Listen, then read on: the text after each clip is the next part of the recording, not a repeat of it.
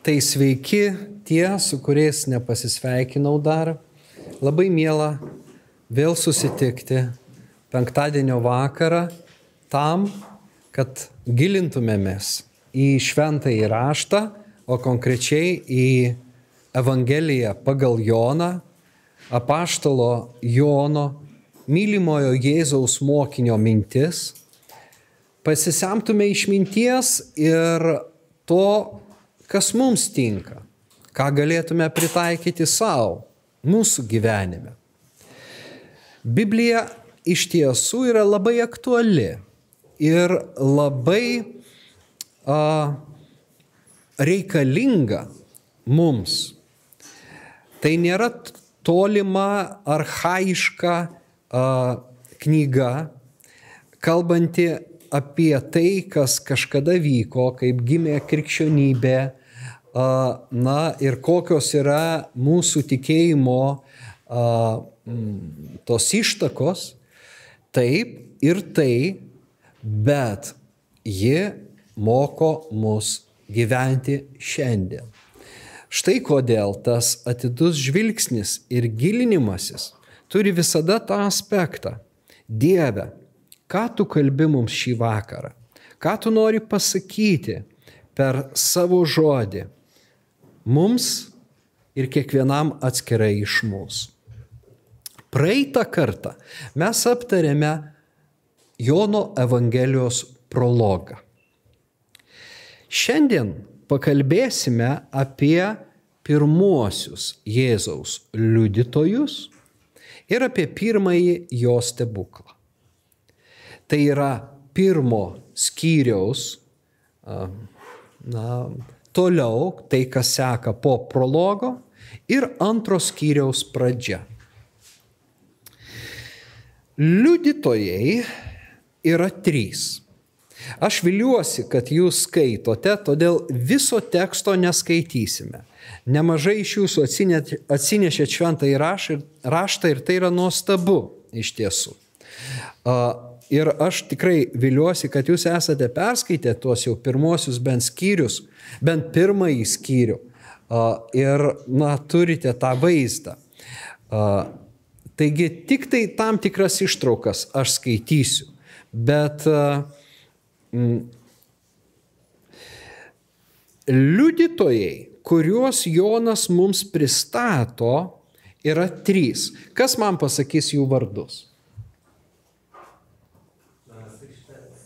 Pirmas liudytojas teisingai.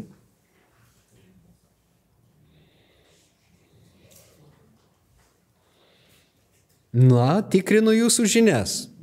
Dar nepakankamos, kad išlaikytumėte testą. Antras liudytojas yra Andriejus. Ir trečias liudytojas ne Natanaelis. Natanaeliui jisai liudyja, bet liudyja Pilypas. Štai Jonas Krikštytojas, Andriejus ir Pilypas. Trys liudytojai. Jonui skaičiai yra svarbus. Jonas yra maslus evangelistas. Nieko atsitiktinio jo Evangelijoje nėra. Ir kai suskaičiuoji, kad yra tris, e, jis mini tris liudytojus pirmame skyriuje, iš karto prisimeni, jei esi skaitęs ir jo laiškus, vietą iš pirmojo laiško, kuris jisai sako, mat yra trys liudytojai - dvasia, vanduo ir kraujas. Ir šie trys sutarė. Kai kurie rankraščiai šventojo rašto prideda dar intarpą, kad yra trys liudytojai danguje ir trys žemėje. Na, bet tą plėtinį jau naujesni vertimai uh, eliminuoja ir jo nėra uh, na, tame vertime, kurį mes skaitome, turiu omeny Kavaliausko, Aliulio vertime ir ne tik tai jame. Bet šiuo atveju mums netai svarbu. Svarbi yra ta mintis, kad yra trys liudytojai ir jie sutarė. Štai lygiai tą patį, nors Jonas to nepasako, bet jis turi tą omeny, kad yra tie trys liudytojai, kuriuos jis pristato ir jie visi sutarė. Ką jie liudyja? Ar ne? Kam jie liūdė? Gerai, atsakykim visų pirma, kam liudijo Jonas Krikštytojas. Jonas Krikštytojas liudija Izraelio tautai. Jis kalba masėms žmonių, kurie ateina pas jį krikštytis. Žinia apie Jono krikštą plačiai pasklido ir, na, jisai krikštijo mines. Iš tiesų tas mines mini kiti evangelistai. Bet uh, Jonas sako, kad aš tam ir atėjau, kad paliudyčiau. Uh, jis yra tas pirmasis liudytojas, kaip prologe pasakyta, pats nebuvo šviesa, bet liudijo apie šviesą. Jis turėjo liudyti šviesą. Aš nepamenu, ar aš jums minėjau Aurelijaus Augustino mintį. Komentuodamas šią, na, prologą, Augustinas labai gražiai atsiliepia apie Joną Krikštytoją. Jį laikydamas kalnų, aukščiausių kalnų. Na, o Jėzų kylančią saulę. Ir kylanti saulė visų pirma apšviečia kalno viršukalnę. Apačioj dar tamsu, kiti dar neapšviesti, bet aukščiausio kalno viršukalnė jau mato šviesą. Toks, pasak Aurelijaus Augustino, yra a, Jonas Krikštytojas, kuris pirmasis liudyja tai, ką ir kiti pamatys vėliau kylant Sauliai. Ir jis liudyja a, Jėzų. Tuoj, tuoj sekundę kokiais žodžiais mes įvardinsim. Bet kam liudyja Andrėjus? Taškas kol kas. Kam liudyja Andrėjus? Andrėjus liudyja savo broliui. Savo broliui. Pagal kūną, ne, netikėjime. Jo vardas brolio? Simonas. Simonas mums labai gerai žinomas kaip apaštalas Petras. Kam liudyja Pilypas? Natanaelio, kas buvo Natanaelis Pilypui? Tiesiog jie susitiko ten, kur Jonas krikštijo bet akivaizdu, kad buvo pažįstami. Natanaelis yra arba gyvena Galilėjos kanoje, kur Jėzus padarys savo pirmą stebuklą, apie kurį mes pašnekėsime. Na, taigi vienas liudytojas kalba tautai, antras liudytojas kalba artimam žmogui, broliui, trečias liudytojas kalba tiesiog a, draugui, pažįstamam, bičiuliui. Taigi tie tos kryptis, aš manau, yra labai svarbios, nes a, kai mes šiandien galvojame apie Jėzaus liudymą, apie ką mes galvojame? Ar apie minės žmonių, ar mes galvojam apie a, savo vieną iš giminių, broli, sesę, dėdę ir taip toliau. O gal mes uh, turime širdyje kažkokį tai draugą, bičiulį, kuriam norime papasakoti apie Jėzų Kristų. Vis, visos kryptys vienodai svarbios. Štai kur yra tas skaičiaus klausimas. Ne visi kaip Jonas Krikštytojas yra pašaukti kalbėti minioms. Ne visiems duodamas tas pats saikas. Tačiau visi liudimai yra vienodai reikšmingi. Ir jie visi sutarė. Jonas pristato tris. Ir nors jie, jų adresatas yra skirtingas, visi tie liudytojai vienodai dalyvauja Evangelijoje. Žiūrėkite, kartais mes save nuvertiname, galvodami, kad mūsų indėlis į Dievo darbą, į Evangelijos sklaidą yra nereikšmingas, mažas ir, na, apskritai, ar, ar, ar verta tai daryti. Jokių būdų negalime savęs sumenkinti ir taip galvoti.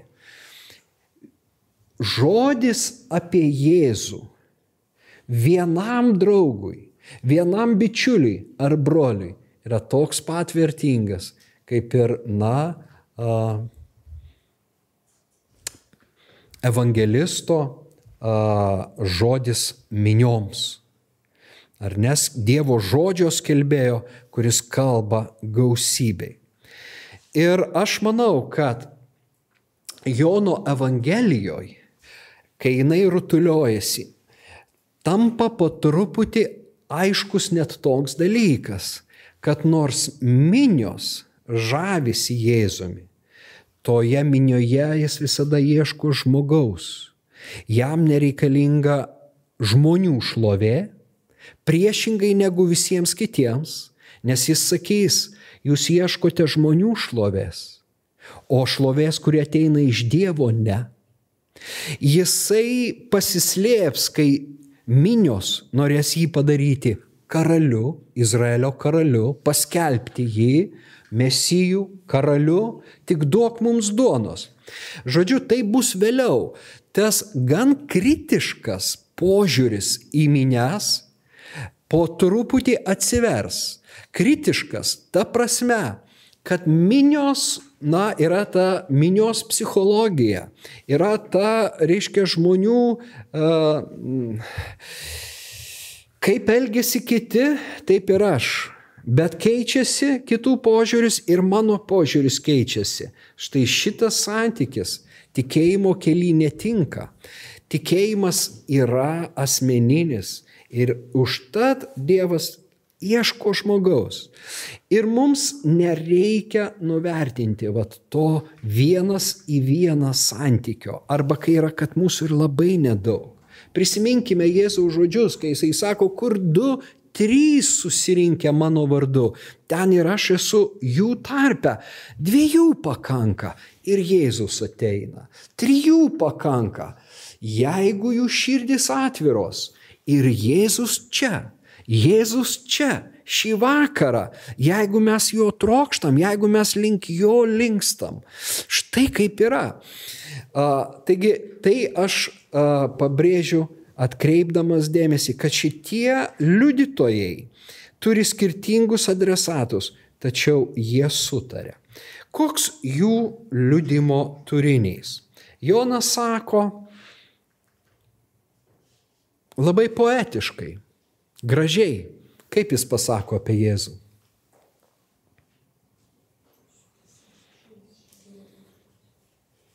Štai Dievo avinėlis, kuris naikina pasaulio nuodėmę.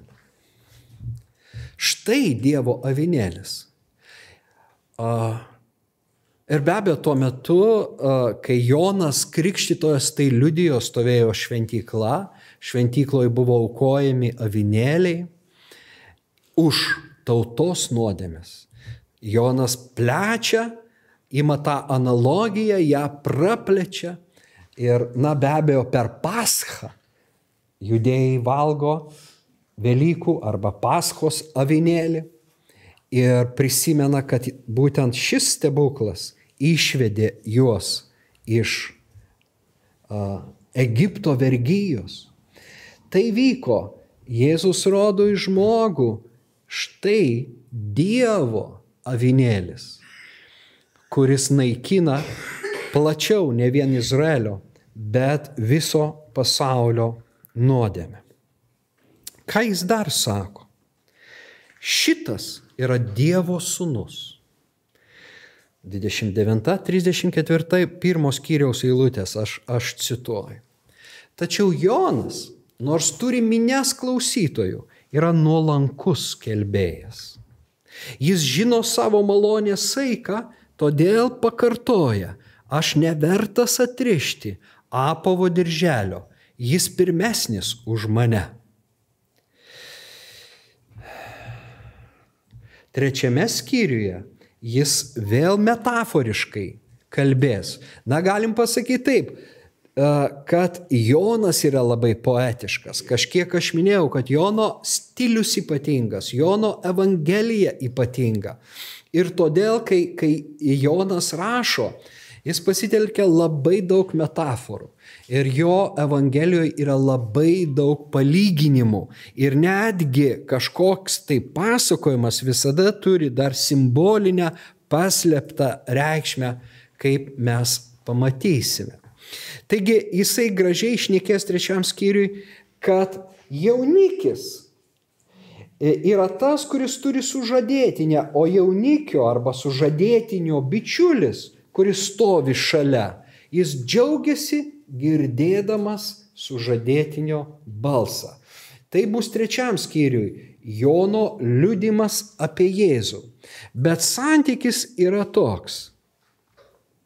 Aš nevertas atrišti apavo dirželio.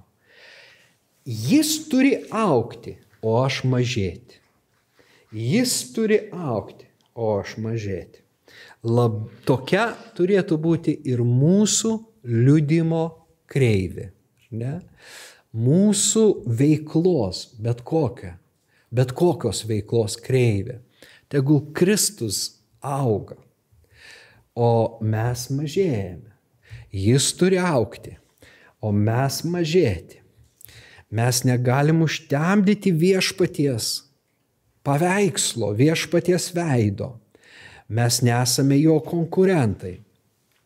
Bet, na, atsitinka, kad liudytojas tampa svarbesnis už tą, kurį jis liudėja.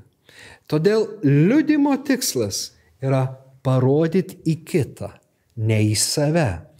Mes galim liudyti savo patirtį, bet esmė, kad jis pasimatytų. Tai yra tiems, kam mes kalbam apie Jėzų. Turi jis tapti svarbus, ne mes.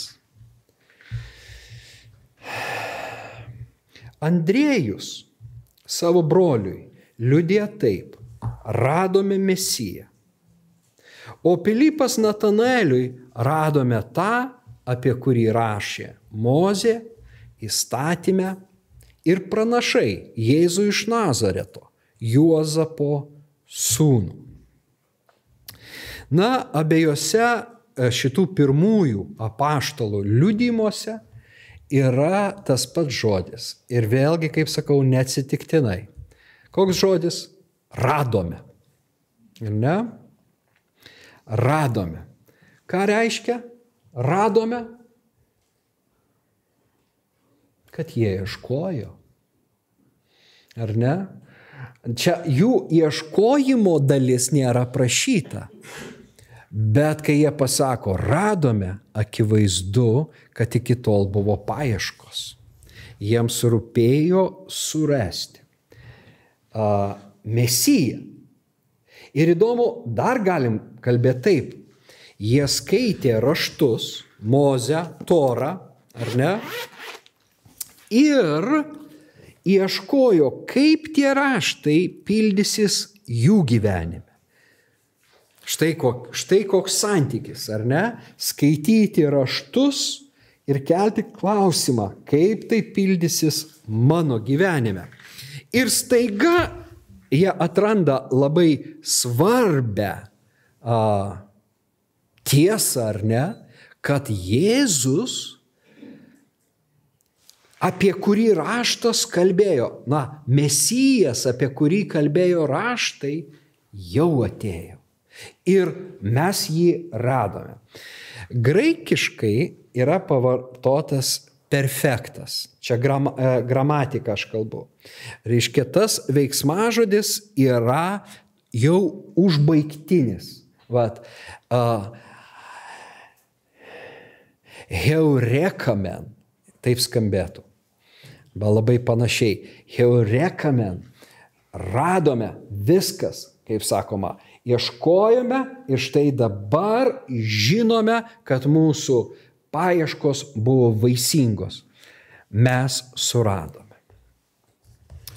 Jūs tikrai esate susidūrę su šito graikišku žodžiu. Ar ne? Kaipgi sako? Eureka. Eureka mes sakome. Tai va šitas žodis. Sušūko vienas mokslininkas. Eureka. Kas tai nėra kažkoks tai mistinis žodis, tai reiškia, aš atradau. Atradau. Suvokiau, ar ne? Ieškojau, sprendžiau ir staiga suvokiau. Tai antikos filosofas, matematikas, Archimedas ir Eureka sušuko įlipęs į vonę. Savo vonioje. Jo, tikrai esate kažkur skaitę, girdėję, tik pamiršom. O ką jis atrado vonioje?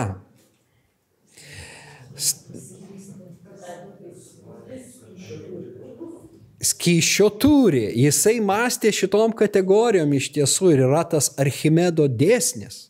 Bet sakoma, kad jis suprato tą kartą panyręs į vandenį, kad vanduo ar išsiliejo pro tą vonę, ar pakilo, na, to, tokiu turiu, kiek jis pats turi.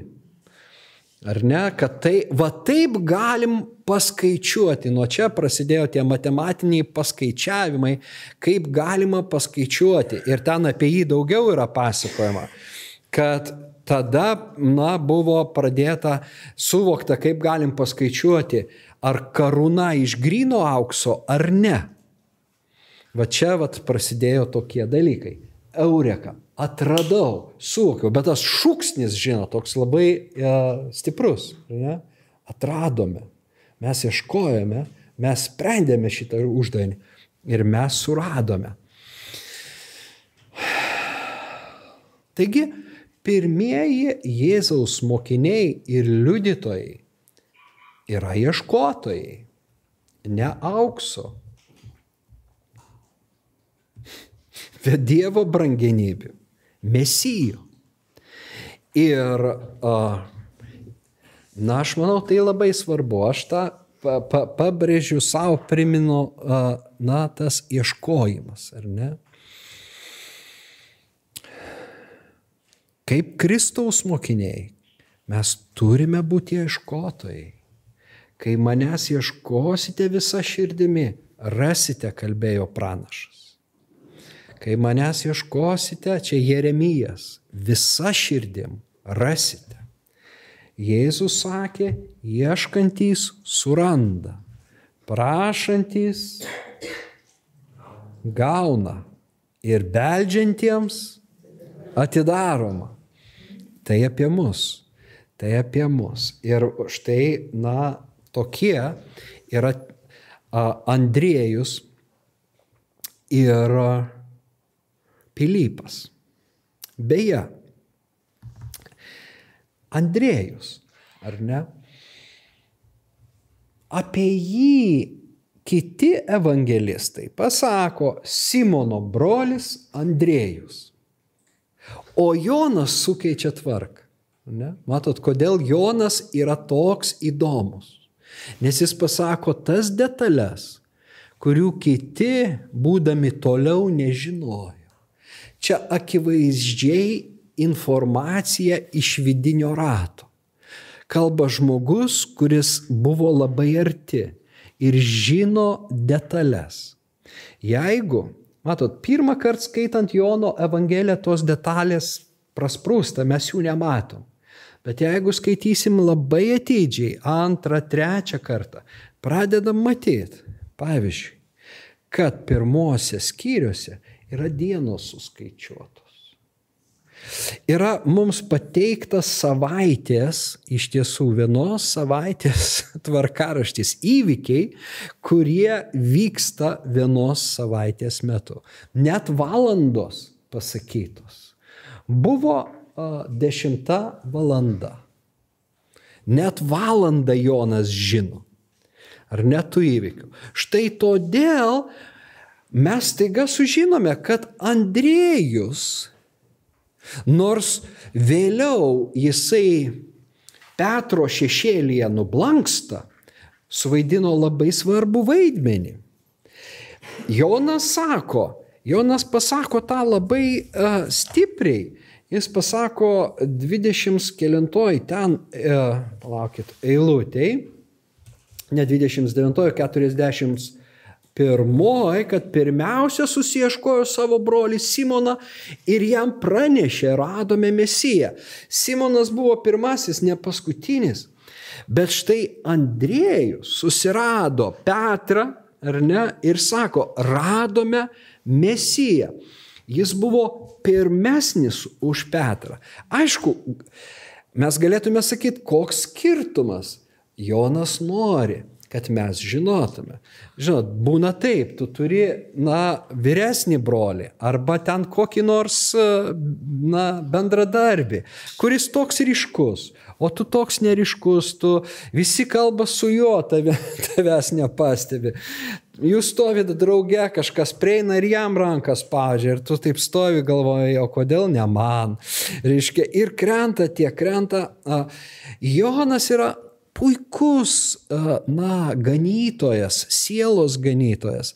Jis nori parodyti, kad nei vienas neturi taip jaustis, kad ir tas, po to, kuriam po to nebuvo duotas tas malonės saikas, kaip Petrui, kuriam Jėzus pasakys, ganyk mano aveles, ganyk mano avinėlius, vaidino labai svarbu vaidmenį, be jo nebūtų Simono. Jeigu Andrėjus nesurastų Kristaus, neteitų ir Simonas ir neišgirstų tų žodžių, kurį, kuriuos Jėzus čia ir pasakė, tu esi Simonas, Jono uh, sunus, o vadinsies Kefas, tai reiškia Petras, Ola, Petros. Ne? O graikiškai uola. Be Andrėjaus nebūtų Simono tarnystės. Bet šito me, mums nepapasakojo nei vienas sinoptinių evangelijų autorius. O štai Jonas mums papasakojo ir mes dabar šitą detalę žinome ir vaizdas plečiasi. Taigi Jonas, sakykime taip, teisybės dėliai, jis sako, istorija buvo tokia Ir mes ją turime žinoti. Kas buvo tie pirmieji, kurie atėjo pas Jėzų, priėmė Jėzų. Mes šiandien gėdojom, ateik pas Jėzų. Štai skaitome Jono Evangeliją ir mes matom pirmuosius, ne, kurie atėjo pas Jėzų. Na, dabar šitą būtiną uh, paliesti vėlgi kelis kartus skambančią frazę ateik ir pažiūrėk, ateikite ir pamatysite. Pažiūrėkime. Na, čia reikėtų dabar paskaityti uh, nuo uh, 35 eilutės. Kita diena tenai vėl stovėjo Jonas ir du jo mokiniai. Išvykęs, išvykęs ateinantį Jėzų jis tarė, štai Dievo vinėlis. Išgirdę tuos žodžius, abu mokiniai nuėjo paskui Jėzų, o jis atsigrėžė ir pamatęs juos sekančius paklausė, ko ieškote? Va, vėl tas ieškote, ar ne? Parodomas tas ieškojimo momentas. Jie atsakė, rabi. Tai reiškia, mokytojau, kur gyveni? Jis tarė, ateikite ir pamatysite. Tada jie du nuėjo, pamatė, kur jis gyvena ir tą dieną praleido pas jį. Tai buvo apie 10 valandą. Ateikite ir pamatysite. Ar ne? Ir dabar, jeigu mes skaitom toliau ir žiūrime į mm, Pilypo liūdimą Natanaeliui, kai Pilypas sako, 30, ne, 45 eilutė, radome tą, apie kurį rašė Mozė įstatymę ir pranašai. Tai Jėzus iš Naždareto, Juozapo sūnus. Natanaelis atšovė, ar iš Nazareto gali būti kas gero? Pilypas atsakė, eik ir pasižiūrėk. Graikiškai tai yra tie patys du žodžiai. Tie patys du žodžiai. Ateik ir pasižiūrėk, nors lietuviškai mes to parinkti skirtingi, na, dėl gražumo. Reiškia, Jėzus sako, ateikite ir pamatysite. Ne? Kur aš esu išsirašęs kažkur tai.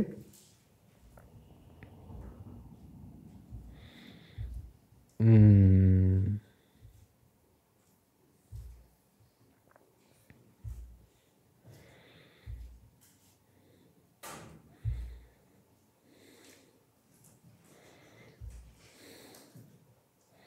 Neberandu. Ne, ne, graikiškus žodžius aš į, įsirašęs. Uh, yra uh, erhomai ir horao.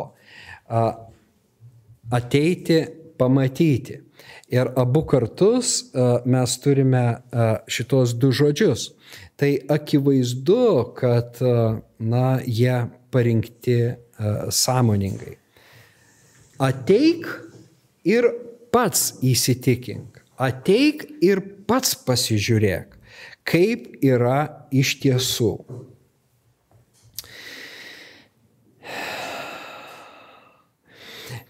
Dabar jie ten praleido pas jį, pamatė, kur gyvena ir praleido pas jį tą dieną. Ne? Praleido arba pasiliko visą dieną. Jonas vėl Evangelijoje kalbės apie pasilikimą. Apie pasilikimą. Jei pasiliksite manyje kaip šakelės, jūs nešite gausų vaisių, būsite mano mokiniai. Čia jie pasiliko pas Jėzų, čia pati pradžia. Ir po to, kai jie tą dieną praleido su Jėzumi, Štai Andriejus nuėjo pas savo brolį ir sako, radome, suradome. Na tas pats ir Pilypas, suradome. Žiūrėkime, diena praleista su Jėzumi yra be galo svarbi. Kartais mes sukeičiam tą tvarką, mes norėtume taip padaryti kažką tai ne, arba paliudyti. Vat, evangelizacija yra, na, e, iš tiesų tas troškimas, kad žmonės pamatytų, kas yra Jėzus, įsitikintų, kad tikėjimas netuščias, kad jisai duoda, suteikia atsakymus į, į mūsų gyvenimo klausimus. Tačiau užduokime tą klausimą, kiek laiko mes praleidžiame su Jėzu. Ar mes matėme, kur jis gyvena? Ir ar tai susiję su tuo, kaip mes kitiems papasakosime apie jį? Be abejo, kad susiję. Bet čia yra tas, prisiminkime, prologo motyvas. Jis toliau viniojamas. Ateikite ir pamatysite, ir jie praleido visą dieną. Prologo motyvas, kad žodis buvo palinkęs į Dievą. Žodis buvo pas Dievą. Sūnus tėvo prieglopstyje esantis. Sūnus esantis artimoje bendrystėje su tėvu. Ir dabar jie turi ateiti pas Jėzų ir praleisti laiko. Štai čia turi būti čia yra Jono, na, Evangelijos širdis. Tas motyvas, jis kaip širdis, jis plaka. Ateik pas Jėzų ir pasilik pas jį. būk su juo. Ir iš to buvimo plaukia liudimas. Nes čia kalbama apie liudytojus, bet tie liudytojai įsitikina, koks yra Jėzus, būdami su juo. Būdami su juo. Koks yra Jėzus mums pasislepia, užsidengia ir mes nebežinom, koks tas Jėzus, kuriuo mes tikime. Todėl esame kviečiami. Ateikite ir pamatysite. Dabar Natanaelis, kuriam Pilypas kalba, yra toks pat ieškotojas, tik tai greičiausiai maldininkas. Va čia yra tai, ką a, mes girdėjome paraginime prieš garbinimą. Nėra čia paminėta Natanaelio malda, bet na, didžioji dalis biblistų sutarė, kad tas figmedis, kurį Jėzus paminė. Prieš pakviečiant tave Pilypui, kai buvai po figmedžio, aš mačiau tave. Kažkaip tai, na, figmedis yra labai simbolinė vieta, tai atgaivos vieta, tai yra, reiškia, ten, kur karšta, po figmedžio yra labai gerai. Ir, ir na, ką ten veikia tas po figmedžiu, kad Jėzus jį matė net nebūdamas, greičiausiai jis meldėsi. Na, panašu, kad iš tiesų taip kad jis ieškojo ir žiūrėkime, na, apie Natanaelį tai iš vis labai įdomu. Tarp kitko, Natanaelis, e, ar minimas kitų evangelistų, kas man atsakys?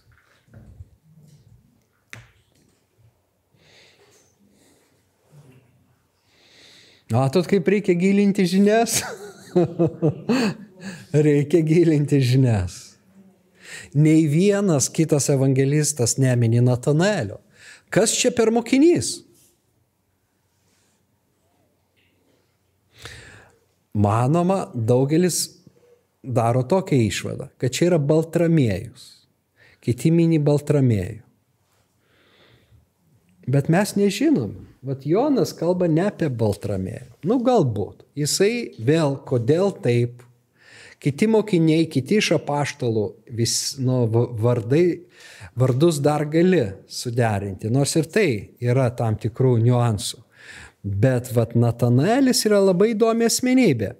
Panašu, kad jis po figmedžių meldžiasi, o kai jam draugas pasako, radome tą, apie kurį kalbėjo a, Mozė ir šventasis raštas jiems pranašai, jis sako, ar gali kas būti gero iš Nazareto.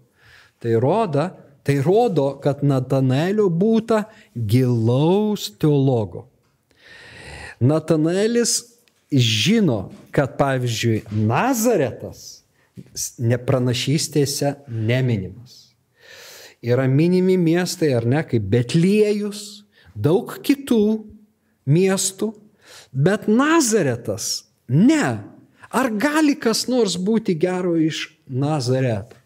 Taigi Natanaelis ieško šventajame rašte atsakymų, jis turi susidaręs savo nuomonę, tai yra labai gerai, bet Jėzus čia pat jį paliečia tuo asmeniniu a, žodžiu, aš tave mačiau. Galbūt jis kalbėjo Dievui kažką tai, galbūt nevilti, Dieve, kur tu esi ir kaip visą tai baigsis, kas nors jo gyvenime galbūt. Ir staiga Jėzus ateina, sako, aš mačiau tą. Taip va būna. Mes melžiamės, mes norim kažkokio tai pasikeitimo gyvenime ir jo nėra. Ir staiga ateina žodis iš Dievo. Aš mačiau tave, aš mačiau tavo vargą. Aš mačiau, e, aš pažįstu tave, suskaičiavau tavo ašaras, aš žinau, kaip tu jautiesi. Ir tai yra kaip aliejus, kaip paguoda. Ir to užteko Natanaelio skepticizmui išsklaidyti. Jis iš karto atsigrėžė į Jėzų, rabi tu Dievo sūnus, tu Izraelio karalius. Žiūrėkime, čia pat yra tas susitikimas su Jėzumi, kuris pakeičia tą žmogų. Apskritai, vat, na, mes turime liudytojus ir tada mes turime tuos prie, liudymo prieimėjus, kurie priema ir juos tai paliečia. Ir jie paliečia tą gyvenimo žodį. Jonas gerašys, ką girdėjome ir savo akimis regėjome, ką patyrė ir mūsų rankos lietė, tai skelbėme apie gyvenimo žodį. Žiūrėkime, mūsų rankos lietė, ar ne? Mes lietėme tą gyvenimo žodį, mes matėme. Ateikite ir pamatysite. Mes atėjome ir pamatėme, įsitikinom. Ir ne tik įsitikinom, mes pačiupinėjom, mes palėtėm, mes išgirdom, bet tai buvo taip tikra. Štai kame yra tikėjimo variklis. Mums reikalingi tie patyrimai. Todėl jokių būdų nenuvertinkime šventosios dvasios patyrimų. Jokių būdų neniekinkime, na, šventosios dvasios. Kartais yra ta dozė gera skepticizmo, žmogus kalba apie kažkokius savo jausmus, mes galim sakyti, nu, čia jisai įsivaizduoja ir panašiai. Tas sveikas protas yra, ne, nėra blogai, bet žinokit, tikėjimo variklis yra nesveikas protas, o realus Dievo potyris. Realus Dievo potyris. Ir va čia mes turime, na ką, iš vis krikščionybės gimimą. Čia kalbama, kaip viskas užgimė, kame yra tas susilietimas. Liudymai veda prie Kristaus, o Kristus paliečia labai giliai. Na, aš turiu čia, žinokit, dar ištisą e, gabalą tokį susirašęs, bet jaučiu, kad ne šiam vakarui. E, šitą gabalą aš atidėsiu truputį. Galbūt mes e, tą mintį sutiksime dar pas Joną. Ir todėl eikime jau į antrą skyrių, kuris aprašo pirmąjį Jėzaus stebuklą.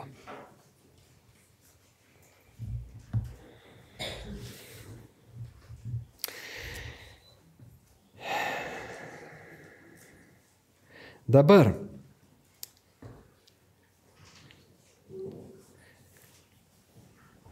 primenu, epilogę Jono Evangelijos pabaigoje Jisai pasako, aš jums tai skaičiau baigdamas praeitą kartą, kad Jėzus padarė ir daugiau ženklų, kurie nesurašyti šioje knygoje, o šitie, kurie surašyti, yra surašyti tam, kad tikėtumėte, jog Jėzus yra siūstasis Kristus ir tikėdami jį turėtumėte gyvenimą. Štai dėl ko visą tai surašyti ženklai ir stebuklai surašyti tam, kad mes tikėtume. Ir Jonas taip sukonstravo savo Evangeliją, kad jis joje aprašė arba užrašė septynis stebuklus.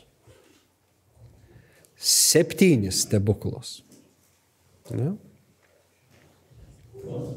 Pirmasis mes perskaitysime yra antrame skyriuje. Ir žiūrėkite, na, gerai, perskaitysime. Antrasis stebuklas yra ketvirtame skyriuje.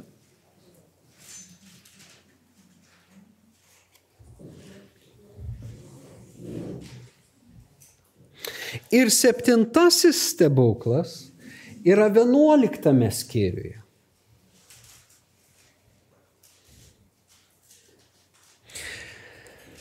Pirmasis stebuklas yra labai keistas, neįprastas. Jėzus paverčia vandenį vynu. Antrasis stebuklas, jis išgydo karaliaus valdininko sūnų.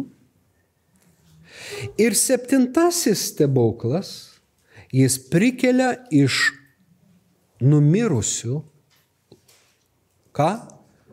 Lozorių, Marijos ir Mortos brolį. Štai mes atėjome iki pirmos namų užduoties. Kokie yra kiti keturi Jėzaus stebuklai?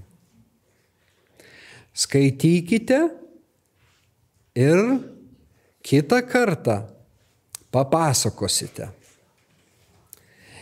Ir ne tik, bet kokia tų stebuklų žinia.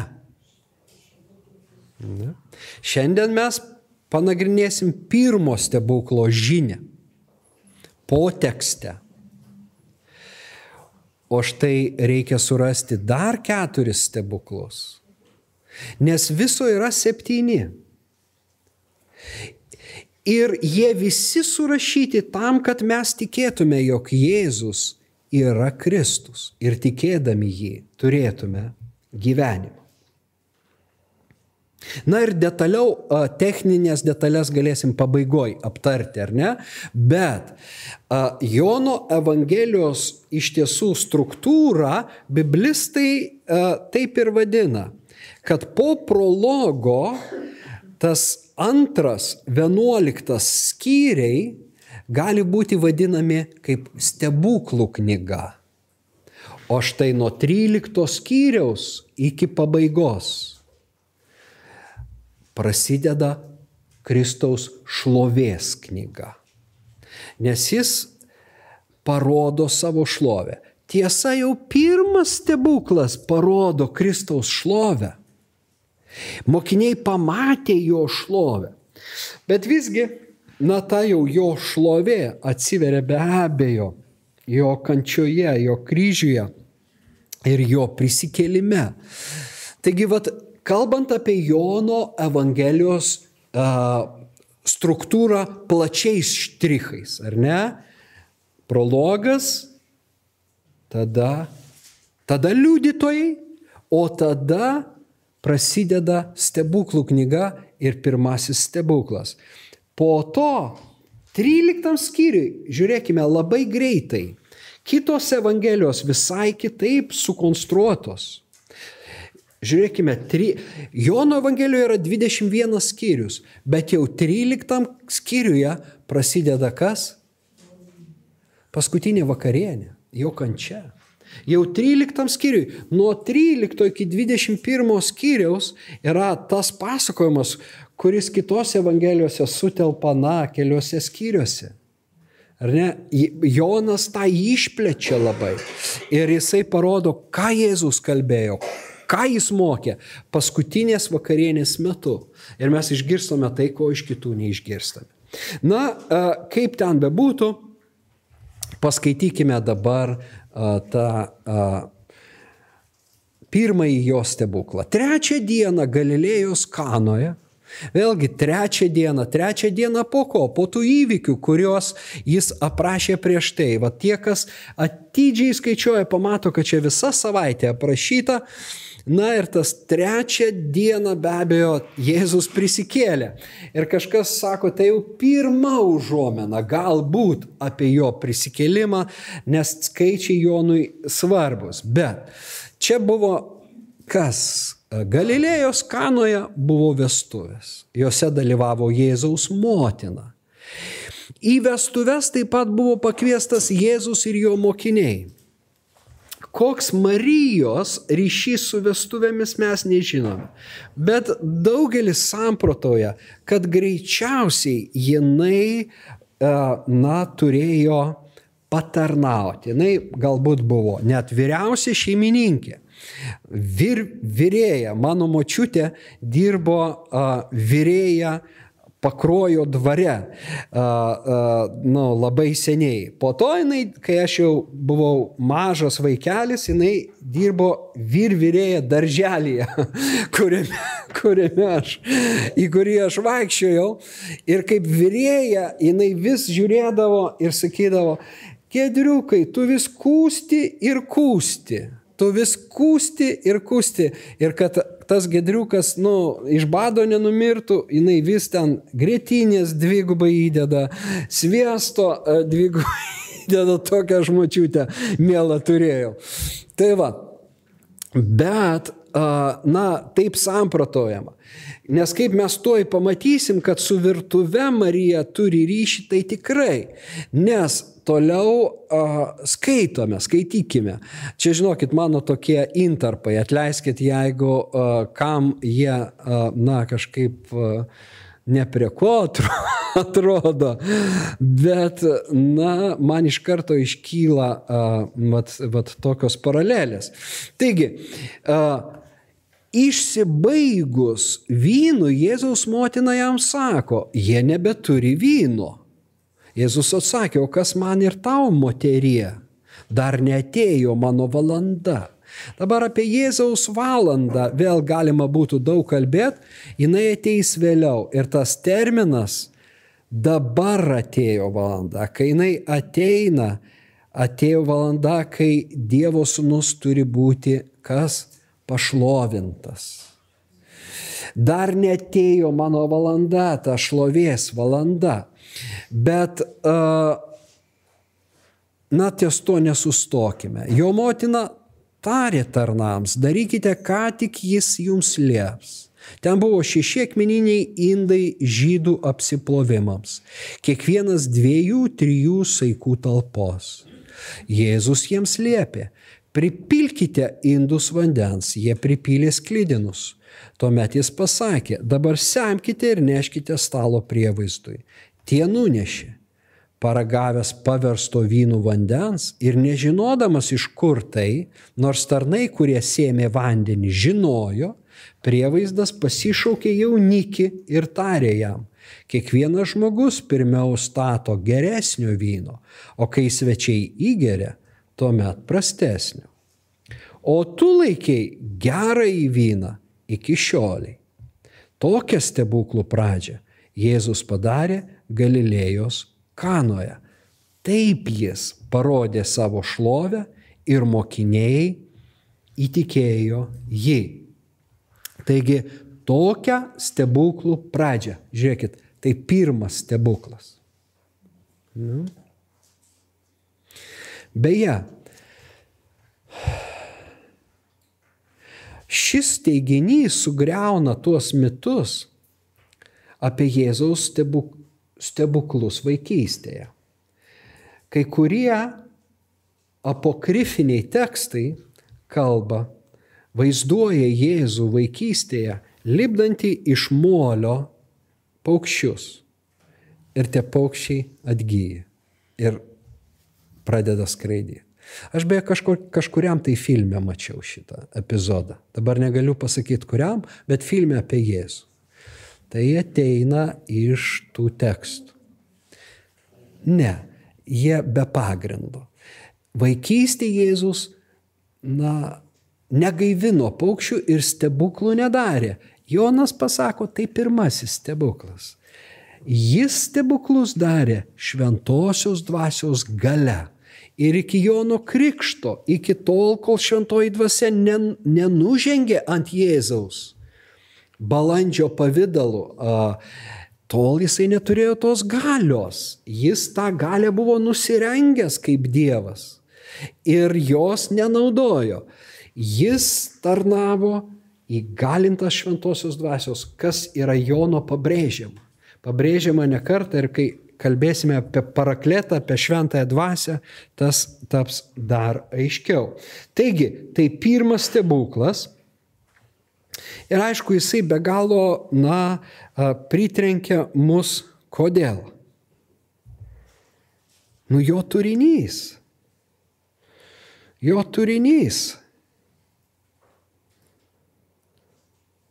Galime suprasti, kodėl Jėzui prikaišiojo, ar ne, tie kas juo netikėjo, sakydavo, šitas nusidėlių bičiulis, jis valgo ir geria su muitininkais.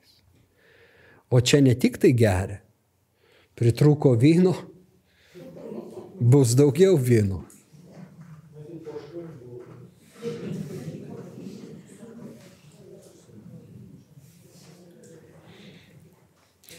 Tarp kitko, žinot, ką aš šiandien supratau?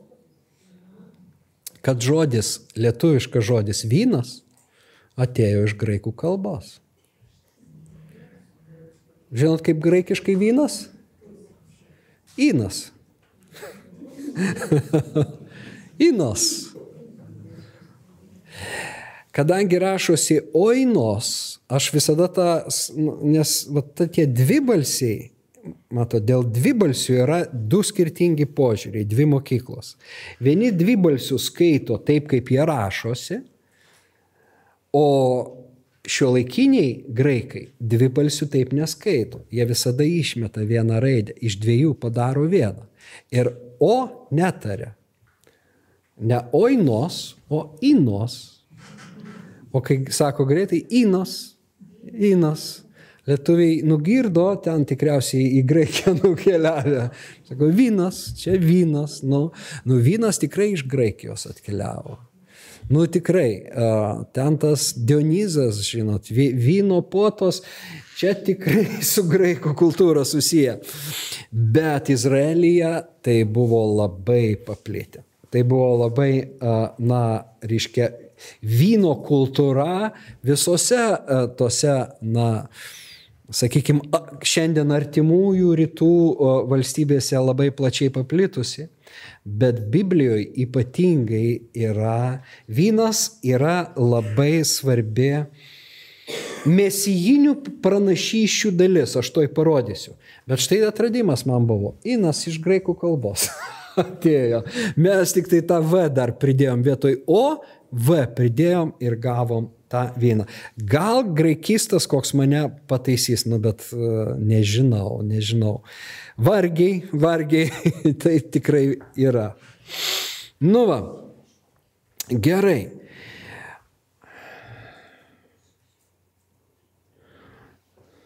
Žiūrėkite, kas dar. Ar Jėzus tiesiog, na, sako, trūksta vyno? Nu gerai, kad visiems liūdna nebūtų, bus vienu.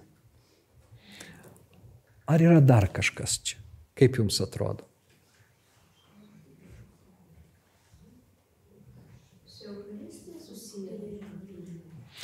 Dar ne, dar ne. Vynas taip, kaip, kaip, kaip simbolis Jėzaus kraujo, tas dar bus truputį vėliau. Bet, bet čia galvojame apie tą vat, pokalbį su a, motina, su Marija. A, taip, ką jis pasakys. Į sveikatą.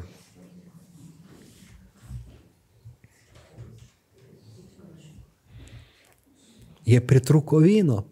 Baisu. Žiūrėkit, čia yra rimta problema. Ne, vestuvėse nebėra vyno. Rimta problema. Bet problema ne tiek pačiame tame, kad, na, kaip čia be vyno vestuvės. O problema, va, žiūrėkit kame, kad jaunikis visat būdavo atsakingas už vyną.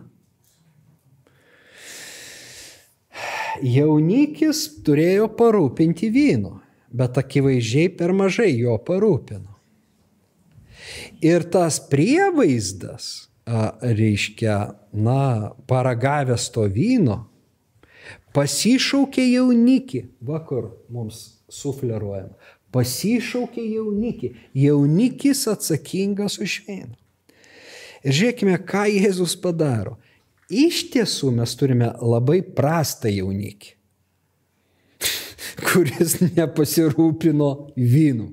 Bet stebuklas tą visiškai netikusi jaunikį paverčia herojumi. Geresnių už kitus jaunikius. Nes kiti jaunikiai, žinot, suskaičiuoja žmonės į kauš, tada prastesnį vyną. Todėl pradžioj geriausias. Na, bet čia šitas jaunikis Supranti, vynas baigėsi, o jis tada atneša ir atneša aukštesnės rūšės vyną. Pagyrė tą jaunikį. Bakur esmė. Tyrinėtojai sako tai, Izraelė labai stipri buvo ta ir gėdos kultūra. Užsitraukti gėdą kaimynų akise buvo baisus dalykas. Ir reiškia ta vat, garbės ir gėdos kultūra. Ir dabar tas jaunikis, na, viskas, čia tragedija. Reiškia, jam jis bus prikaltas prie gėdos stulpo, na, perkeltinė prasme. Jisai tikrai bus nulinčiuotas kaip tas, kuris nepasirūpino. Ir va čia Jėzus pakeičia. Jis ne tik parūpina vyno, bet jisai ir tą, na, jau, tą jauną žmogų ir labai galimas daiktas, kad ten yra dar kažkokie giminystės ryšiai. Šeimom jie bendraudavo ir tokiu būdu, na, Marija yra pakviesta ir jinai kažkaip atsakinga už tai, kas ten vyksta virtuvėje ir matomai gal net jie pažįsta tą jaunikį. Labai, labai panašu. Ir čia, na, nors nenoriai, Jėzus tarsi labai nenoriai padaro šitą stebuklą, bet jis išgelbsti tą jaunikį. Na, taip, taip bent uh, galime numanyti. Tačiau žinia šito stebuklo yra uh, gilesnė truputį.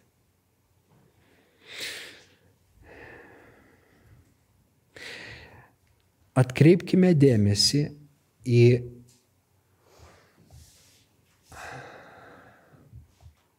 kelintą eilutę.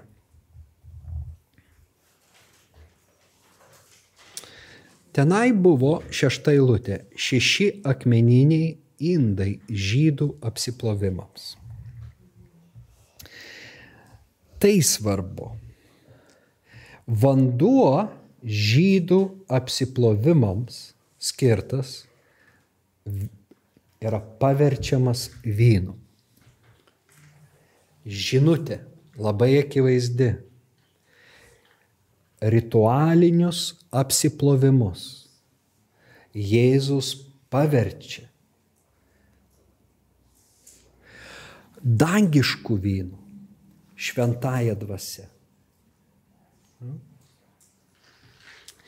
Tai, kas sena praėjo, Pauliaus žodžiais tariant, dabar bus nauja. Dabar viskas nauja.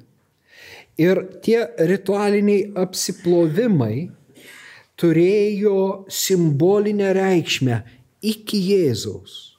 Jam atėjus, jie praranda savo reikšmę. Vanduo tampa vynu. Vanduo a, negali apiplauti sąžinės. Vanduo nebegali apiplauti tos vidinės kaltės. Bet šventoji dvasia gali pašventinti. Vynas simbolizuoja mesijinį klėstėjimo amžių. Viena pranašystė, tik viena citata. Tikrai ateina dienos, kai viešpatės, tai viešpatės žodis, kai artojas pasivys pjovėja, o vynogių traiškytojas sėjėja, kai kalnai trykš saldžių vynų ir jis ruvens visomis kalbomis sugražinsiu Izraelio savo tautos tremtinius, jie atstatys sugriautus miestus ir juose gyvens, veis vinogynus ir gers jų vyną, sodins sodus ir valgys jų vaisius. Pranašas kalba apie Izraelio atstatymą, apie visų dalykų atstatymą. Ir žiūrėkime, kalnai trykš saldžių vynų ir jis ruens visomis kalbomis. Ne tik tai tai yra to mesijinio amžiaus simbolis, ar ne, kas, kad vynas yra džiaugsmas. Jis suteikia širdžiai džiaugsmą. Mes skaitome mm, berots patarlėse ir, ir psalmėse taip pat. Ir, ir kai ateina tas mesijo amžius, Dievo karalystė, tai yra džiaugsmas. Tai yra džiaugsmas. Ir todėl vynas, vat, na, yra, e, turi tą vietą. Bet ne tik tai tai. Čia yra pasakyta, a, ką aš jau minėjau, kad turintis sužadėtinė yra jaunikis. Kad pats Jėzus tampa vestuvių pokilio, to eschatologinio vestuvių pokilio jaunikiu, sužadėtiniu. Ir Jonas jo prieškimo knygoje rašys, atėjo avinėlio vestuvės ir jo nuotaka pasiruošė. Palaiminti, kurie pakviesti į avinėlio vestuvių pokelį.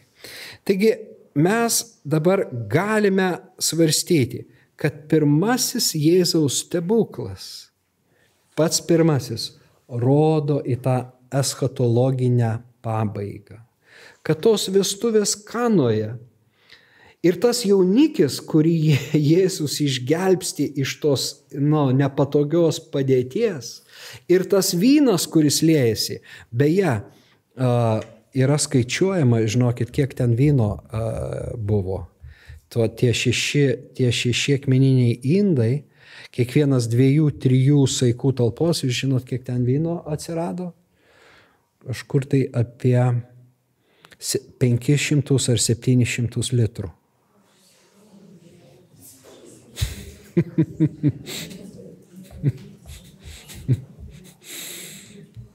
Maža nepasirodė, bet to gero vyno. Tai be abejo, tai, tai užuomina apie pabaigą, apie tą pokelį. Na, o Paulius sako, nepasigerkite vynu, kuriame glūdi palaidumas, bet prisipildykite dvasios. Būkite pilni dvasios. Taigi tame stebuklė aš regiu šitas dvi pusės - tą teologinę, ar ne, eschatologinę, tas pirmasis stebuklas, jis kalba apie tai, kad senoji sandora baigėsi, Jonas krikštijo vandeniu, tai irgi buvo ritualinis dar apsiplovimas, nors jis jau kitoks. Bet Jonas sako, ateina tas, kuris krikštys jūs šventąją dvasę. Ir vat Jėzaus pirmasis stebuklas rodo, vynas kaip šventosios dvasios kitas simbolis. Sėkminių dieną, kai apaštalai prisipildo šventosios dvasios, žmonės palaiko juos nusigėrusiai, sako, dar rytas, o jūs jau įkaušę. Ne, Tai šventoji dvasia, atsako Petras. Mes nesam nusigėrę, mes pilni dvasios. Šventoji dvasia svaigina. Ir štai Jėzus daro tą stebuklą, kalbėdamas, kad Senasis testamentas baigėsi. Ritualinis, simbolinis eina į pabaigą. O štai tai, apie ką tie simboliai liudijo, atėjo, išaušo ta diena ir, na, jisai tą daro. Na ir dar vienas dalykas. Be abejo, vat, kodėl teologai sako, kad šitas stebuklas yra profaniškas. Nes, na, kai Jėzus pagydo sergantį, tai yra tas, nu, tikrai šventas dalykas, padėti sergančiam dalyk, žmogui. Kai Jėzus pamaitina minę alkanų žmonių, tai yra geras darbas. Bet dabar, kai jisai, na, vyno padaugina, profaniška, na, pasaulietiška, ne, ne kur čia tas šventos. Tačiau, vat, kai tu įskaitai tą reikšmę, ką mes perskait, nu, apie ką mes pagalbėjom, iškyla ir dar paprastesnis dalykas. Jėzus nėra toli. Jis netoli nuo mūsų kūniškumo ar ne, nuo mūsų pasaulio, nuo mūsų vargų, nuo mūsų skausmų, nes visi mes, na, gyvename vat, labai tokiame pasaulyje, kuris gali atrodyti toks tolimas nuo šventų dalykų. Taigi Jėzus yra čia su mumis, jis yra na, mūsų kasdienybė. Šitas stebuk, pirmasis stebuklas, jis kalba, kad Jėzus suprantamos, kad jis arti kiekvieno iš mūsų gyvenime. Jam pažįstamos mūsų naštos, mūsų rūpešiai, mūsų vargas. Tai iš tiesų, na, dar bus nekarta Jono Evangelijoje parodyta, bet šiandien aš manau, na, mes turėtume šitoj vietoj sustoti ir gal paprašyti, kad šventoji dvasia pripildytų mus.